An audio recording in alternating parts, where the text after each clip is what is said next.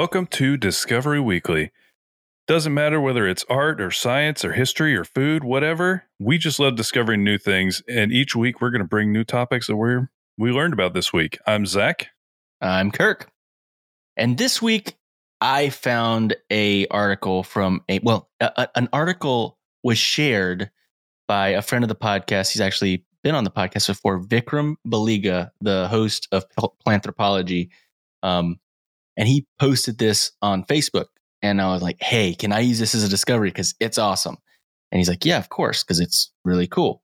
And is a it's a proposal about using solar panels in the water canals in California. And it it's genius in so many ways. It, it answers and it, it fixes so many problems. So basically, there's so many canals in in California, which is not something we have here because we don't have we don't have that same issue. Um, it says California has around four thousand miles of canals. I did not know that. Ridiculous. 4,000 miles of canals that shuttle clean water throughout the state. New research shows that these canals can do way more than bring California's residents good drinking water paired with paired with solar panels. These canals might also be a way to both generate solar power and save water. This new study presents an analysis from researchers at the University of California, Merced, I don't know what that is, and University of California, Santa Cruz that quantifies the economic feasibility of building a solar canal system in the state. So basically, what it would be is there would be solar panels where there already are existing canals. hmm So it would be over the water. Um, California's water system is one of the largest in the world and brings critical water resources to over 27 million people. Shading the canals would lead to a reduction in evaporation of water. See, that's something I didn't think about at first Hmm. Bonus. kind kind of like keeping your glass of water under the shade instead of out in the open on a hot summer day, preventing uh, you know evaporation. Putting up a solar panel using trusses or suspension cables to act as canal's umbrella is what makes the double whammy of a solar canal. Hmm.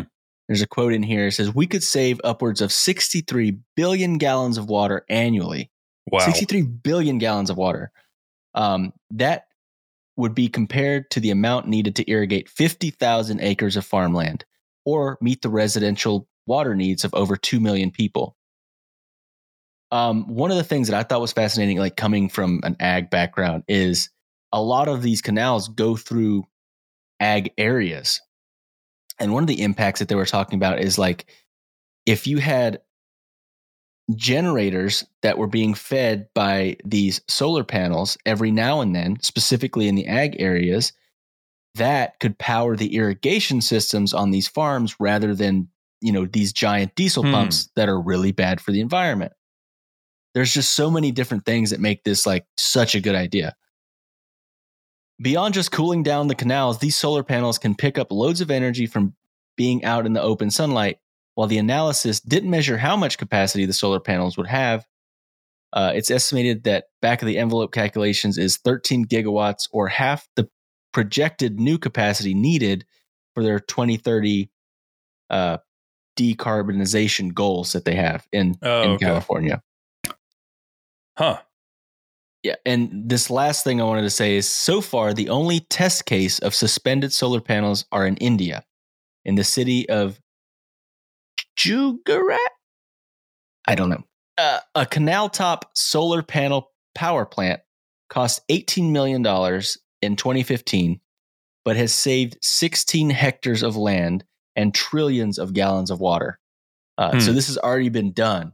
And in other locations where flowing water is not critical, floating solar panels have been ins- installed on reservoirs and lakes around the world in places such as Japan and Indonesia.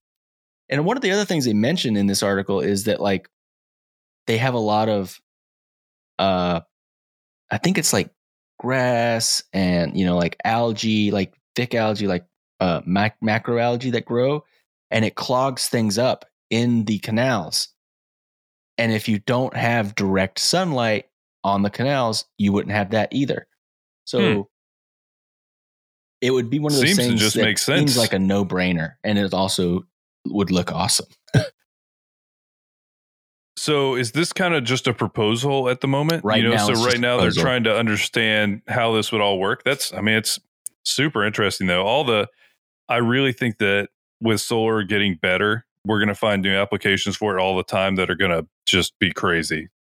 Yeah, I mean, and, and we see solar farms everywhere around here. You're not going to have to take away, you know, a field or ag land or anything like that because it's already been taken away for the canals. Yeah. So you don't have to worry about all that because they're putting solar panels everywhere right now. I mean, there, there's literally pastures nearby that have been turned into just giant solar farms, Mm-hmm.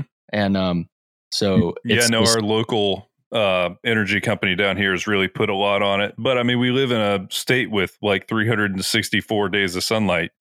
Yeah, and California, same thing. Like they say, what never rains in California, you know. Um, but four thousand miles of it. That's how what they have to go with. That's just it's perfect in my opinion. I, I don't know. I thought it was genius, and uh, hopefully, uh, the ball gets rolling on something like that because it sounds like a really good idea. It really does. So, something else that has solar panels is the Ingenuity rover, and it's it's about to get really crazy. Or no, it's Perseverance is the rover. Ingenuity is the helicopter Okay, because I, when you said that earlier, I was like, "What's ingenuity?" yeah, no, it's the it's the the the helicopter. helicopter. We are Ah. getting close. Perseverance has been on Mars for a while, sending amazing footage back.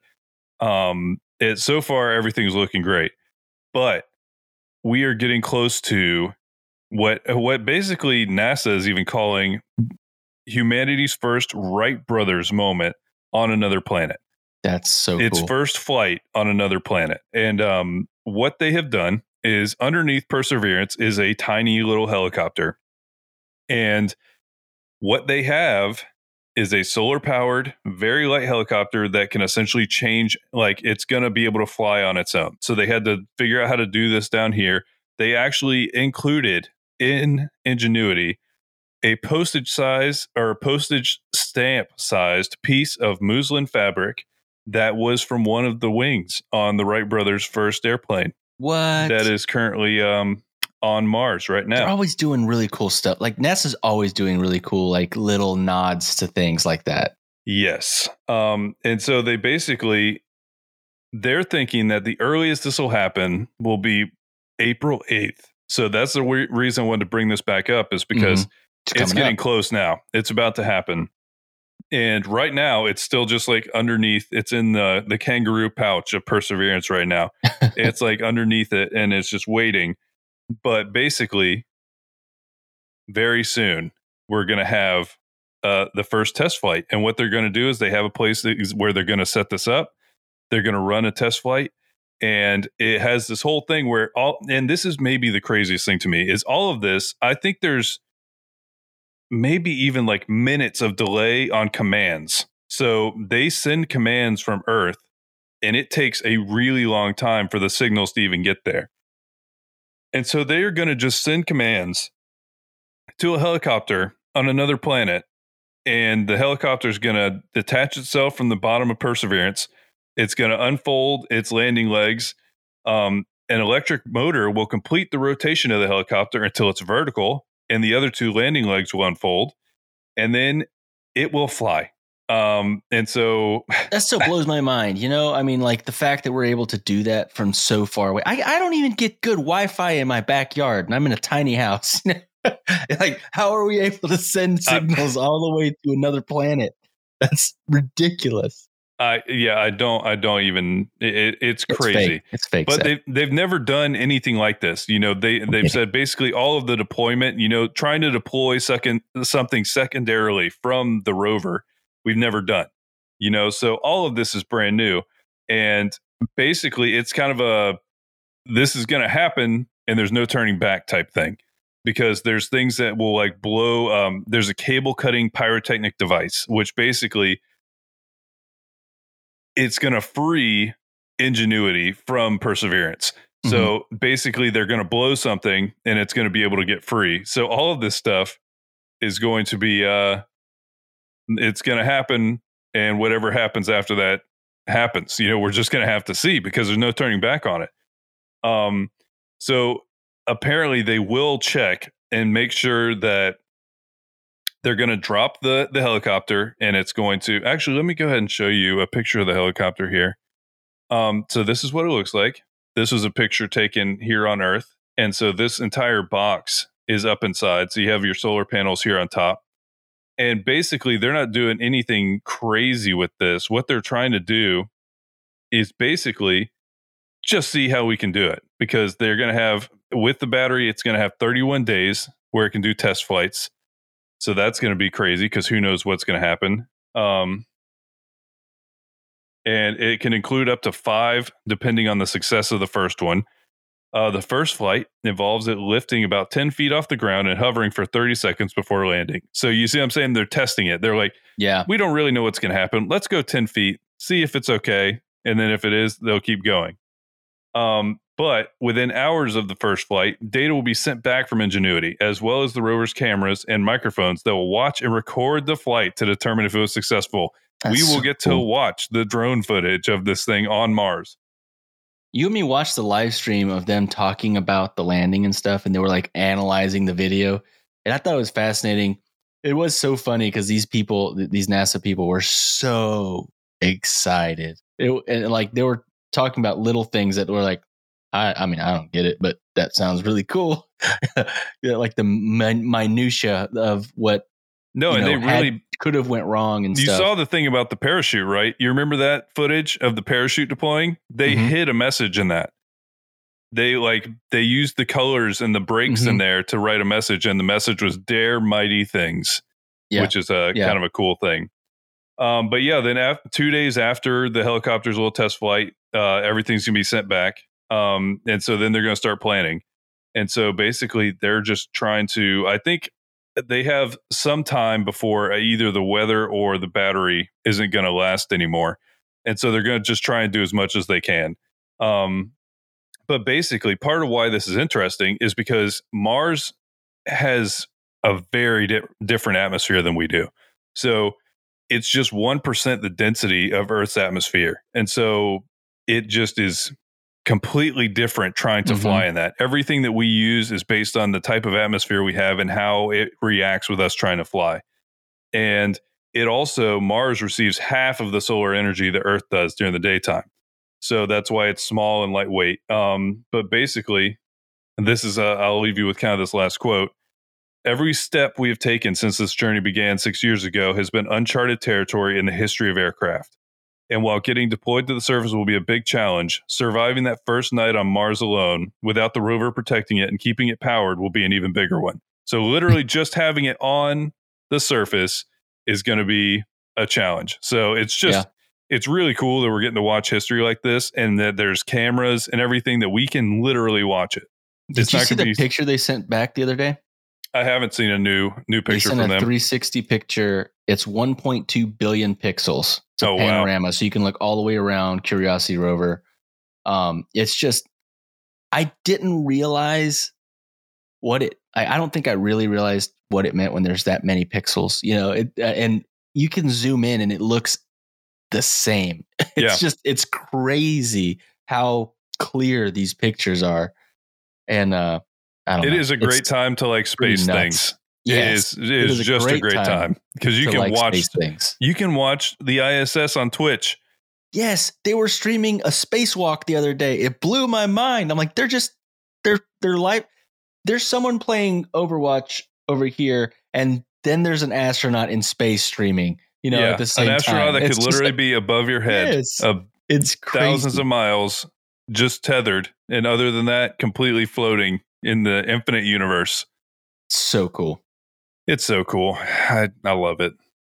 So Zach, uh, get ready to pull up some visuals for the live stream. By okay. the way, if you're listening to the podcast, we do live stream uh, on Twitch at podcast discovery show dot twitch tv.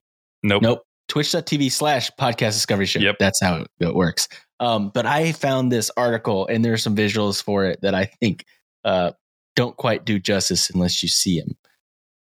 It is a there is a competition in Great Britain that is about giant vegetable growing. And I feel like this is a missed opportunity. Maybe it's going to be in season two of We Are the Champions because this is an amazing competition. Oh That, yeah, like, I would watch that. Oh, I would love to watch an episode on this. But so it's a competition about growing giant vegetables. And there's a great story to it. And it's it's hilarious. Uh this there and and the guy in this in this article, his name was Pete Glazebrook. I'll And go ahead. he's And, I'll go and show everybody what Pete looks like.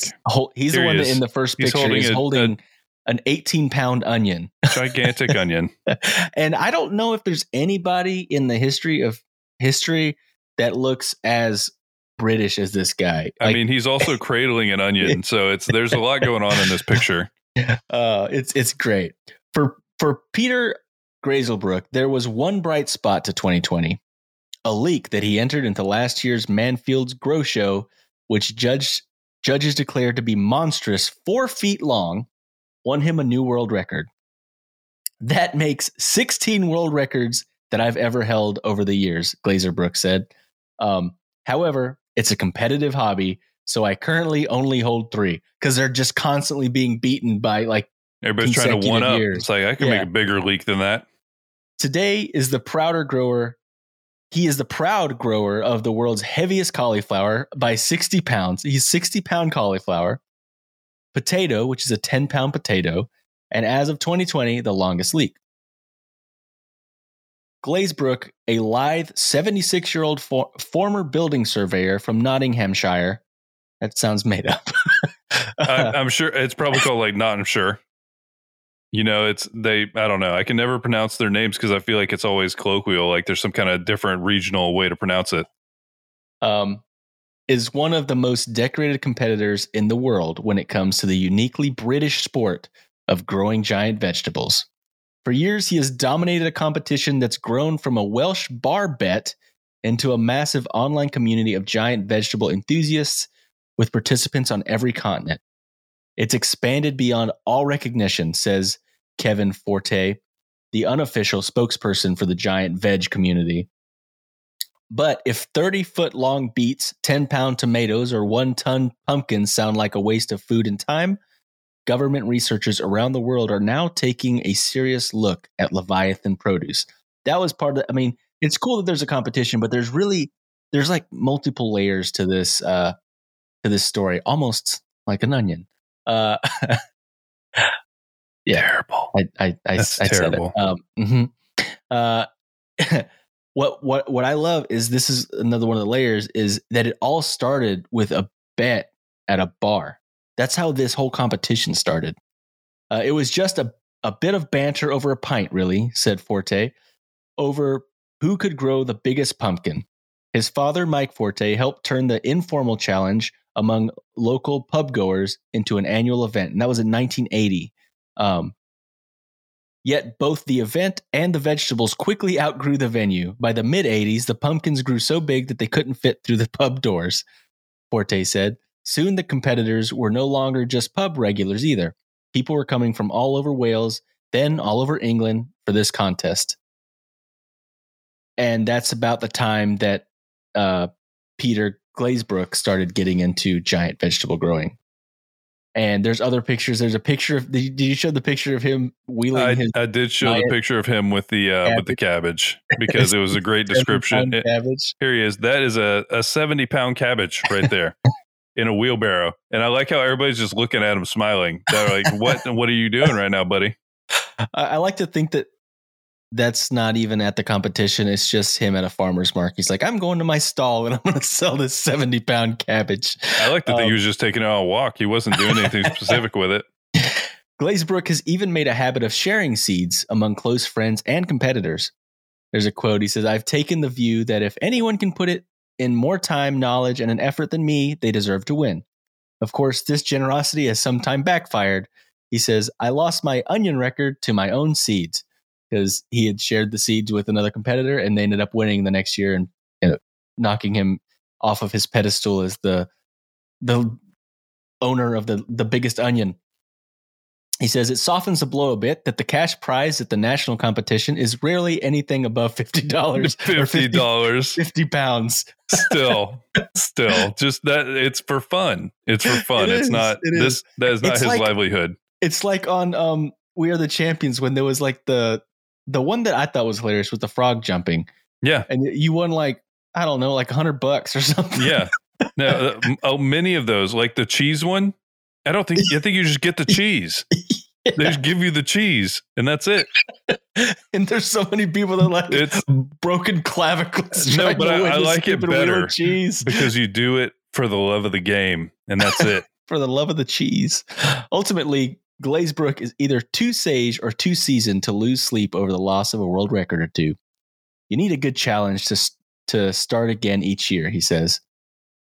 This last part before I close is uh, is one of my favorites.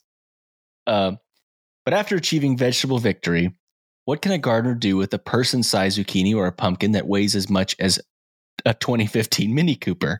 Um, and this is another layer. Is like some people are like, well, is this a waste? You know, are you just going to waste this fruit or vegetable or whatever? One common misconception is that since they're grown for size, not consumption, giants are virtually inedible, good for little more than cow feed or compost. While Fortey admits some big veggies can get a bit woody, he's determined to disprove the notion that giants can't also taste great. One Christmas, he and his son turned giant, uh, co- giant com- competition beetroots into beet and chili sauce, and a giant zucchini into a thousand jars of chutney, A thousand jars of chutney. which they distributed throughout the community. Glazebrook often eats his own massive produce, especially enjoying oversized beans and tomatoes in the summer. The unexpected edibility of these outrageously large vegetables is perhaps what caught the eye of government entities far outside the orbit of the competi- competition's growing world. Some of Fortey's seeds were requested by the Australian Antarctic Division, who are currently planting giant cucumber seeds in a shipping container in Antarctica. No real feedback yet, says Fortey. He's also consulting with a university in Spain regarding a research project funded by the Basque government on giant beets. I can't release what it is in specific detail, says Fortey, but it's around gastronomy and will end the myth about woody vegetables. And Hmm. this is maybe my favorite thing for to end on. While not a government entity, Snoop Dogg also once approached Fortey for advice. He says, I do vegetated, veg- I love how what he, the way he worded it too. This is a quote. I do vegetation myself. Snoop told the BBC. I, I'm- There's so many things that that could mean uh, uh no, I mean, from coming from Snoop there, there really is one thing it can mean. He's like, dude, can you make me the biggest weed plant in the history of the world? I do vegetation myself. For shizzle. That, uh, like, I would love to hear a conversation between Snoop Dogg and this guy, Glazebrook. Oh man, but it, it's it was a great story. It was a great discovery. I loved seeing these giant vegetables, and uh, there, like I said, there was so many layers to the to the story as well. The- And who would have known that Snoop Dogg would have been part of it? who knew that Snoop Dogg was into vegetation? he So loves vegging out. There's a new thing that I want to incorporate to the show. And this all came, I, I want to tell you the story on the first one. I was watching a video on Instagram, and that's all it was just a random thing. And I saw this little dog, and it had what looked like a little. Have you ever seen those like chip bag clips? That's like, it's just like a little clip that Yeah. will hold the chip bag closed. It looked like Mhm. it had one on its tail. And it was like, it was fine. It wasn't like in pain or anything. I was like, what is that? So I Googled putting a clip. tail dog. putting no i put like put a clip on a dog's tail and most of it was like uh docking tails you know? So like most of it was like do- uh, dogs that have their tail docked. Yeah, yeah. um but then there was one thing called a poochie. And a poochie is one of the more ridiculous inventions i've ever seen in my life. Um a poochie and i'm, I'm going to pull this up so everyone on the stream can see it for sure a poochie is what is a little clip that they put I'm trying to think how to describe this so that you can understand. they put a little clip on the base of your dog's tail, and attached to the clip are bags so that you never have to pick up your dog's poop again. and it is just like hooked onto your dog. And so in theory, the the bag is just there and it's done. You know, it just goes in there. And I was like, this is really weird. And I don't know how well this works. Let me see if I can find this. I had a I had an Amazon listing of it where it was essentially yeah, pictures of it of what it's well, supposed to do. no, I don't think anyone put pictures, but uh, I'll summarize it. Basically, they were talking about how it doesn't always catch things, which is weird how that works. Um, but like, I, it made me wonder what exactly, uh, what other kind of weird stuff is on Amazon that you can, uh, that you can purchase and that we could recommend to people. Here, I'll, I did find it's not the name brand, but I'm going to show you the picture so you can get a better better idea what we're talking about here. So I this like is see this. This is exactly what the the other one looks like, the Poochie that I was hearing about. So you clip this on your dog's tail, like base of its tail, and this bag goes strategically right over something so that things fall in the bag. And then apparently you can just take the bag, but it just I feel very skeptical mm-hmm. that it's going to work. So how, how does that? Yeah, because you can see here, this is the plan. You put it on the tail, and then your dog just doesn't even know it's happening. And then oh, you have, yeah. and then you have this guy here. He's like, "Oh, I'm gonna throw up." Like it's like you don't do this anymore. Just let your dog walk around with that on there. I I don't. I have a hard time believing that dog would be fine with that. But that brings me to what I think would be a fun new segment called Amazon discoveries. And I have an Amazon discovery for you right now. Have you ever wanted a giant baguette pillow? Because mm-hmm. you can get one. And I'm talking gigantic. Look at this thing. It's like three to four feet long. No, you have to say this like it's an infomercial. 3D Are simulation, bread shape, plush pillow, soft butter, toast bread, food cushion, stuffed toy for home decor, 31.4 inches. no, you're gonna be like, are you tired of sleeping and dreaming about bread being your pillow? or sleeping on a, a pillow of bread. Have you always wanted to lay on a giant baguette? Well, don't let your dreams be dreams. Because the 3D simulation bread shaped plush pillow, soft butter toast, bread food cushion, stuffed toy for home decor, 31.4 inches can do that for you. And then if you read this description, it's even better simulation toast bread shaped plush pillow, 3D printing. What what is 3D printed about this? what oh, delicate plush fabric, very interesting and realistic and vivid. Really novel food throw pillow. The bread food pillows are made of high quality short plush and feel comfortable. The high grade PP cotton is filled, full, shaped, and will not be deformed, which is very suitable for hugs. Print design very suitable for hugs. Yes realistic shape vivid patterns exquisite works, workmanship. That's very generous. Is the perfect gift choice for christmas valentine's day. So you hear that everybody. If you mm-hmm. want to get a romantic gift you know what they want they want this it's, they want, it's a baguette body pillow is what it, it is it is a giant baguette but look you shouldn't do this part you shouldn't eat it it's a pillow you don't want to eat that that's not good but also and, and like here's the instructions. Really I love this. Vacuum sealed. Number two, rubs. Number three, stretch. Number rubs. four, place one day. I love how you can tell that this was not was written in English. No, it was very clearly not. this was Google translated. Bread plush cushions can be found anywhere, such as beds, sofas, chairs, bikes, home decor, holiday dresses, etc. A very dresses. a very interesting experience. First of all, they're not wrong.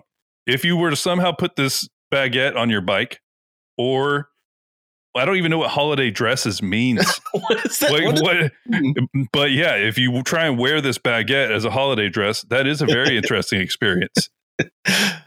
Oh man. But yeah, then uh, it looks like we also have some shoes down here too. If you need to like complete the ensemble, like you want your feet to look like baguettes too. But yeah, that's my first uh, Amazon discovery because you know what? Sometimes you need to be able to hug a giant baguette pillow, and uh, now you can do that.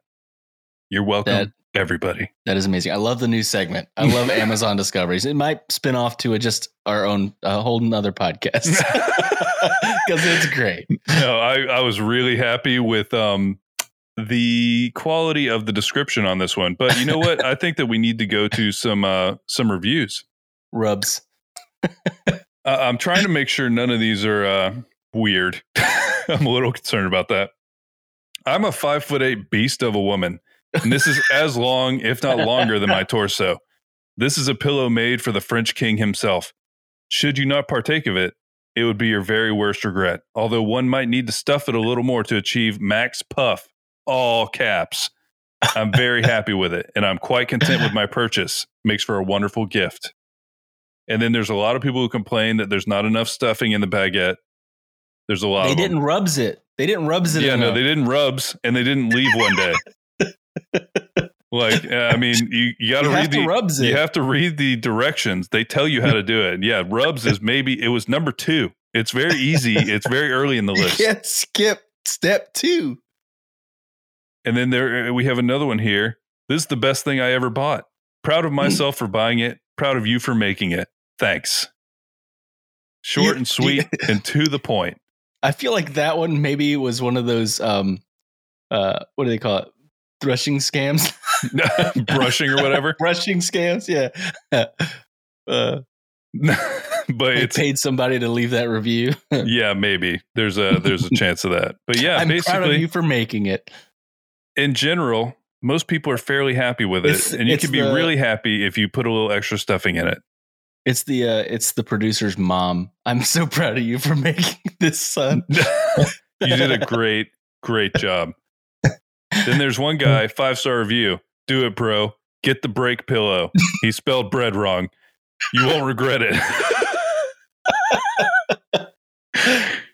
no, but yeah. Oh, man. So yeah, that's uh that's our first of hopefully many Amazon discoveries. And uh I don't think there's uh there's anything else that needs to be said for this one. But yeah, no, thanks. that's it it it it speaks for itself. Yeah, thanks so much for listening. we will have a link to the bread pillow in the show notes in case you would like to purchase your own. But we have Maybe we'll do a giveaway one day of the bread pillow. we should do a we should do a uh and okay, I'm going to check this while she's saying it. There probably is a pickle plush. We're going to we're Oh, going to take a look. now you know what to get me for Christmas. There is, but it's just Fiesta Toys Mr. Pickle. Uh, There's like Pickle that. Rick. No, but Mr. Pickle, yeah, it's mostly Pickle Rick. So Rick and Morty has ruined um, the ability to just get giant pickle. mhm. Oh, here we go. It's a how about a Claussen plush throw blanket? So Kirk can look like he is literally inside of a jar of pickles. Oh, that sounds awesome. Here, I'll I'll show everyone on on stream real quick. So yeah, Kirk can look like he's inside this jar of pickles. There's lots of things, and we're gonna find lots of great stuff from Amazon for everyone to check out. But yeah, thanks so much for listening. We have tons of ways to get in touch, and we hope that you we hope that you do. Thank you guys so much. Talk to you guys next week. Bye bye. This was a podcast from the Podfix Network. You can check out more shows like it at podfixnetwork.com.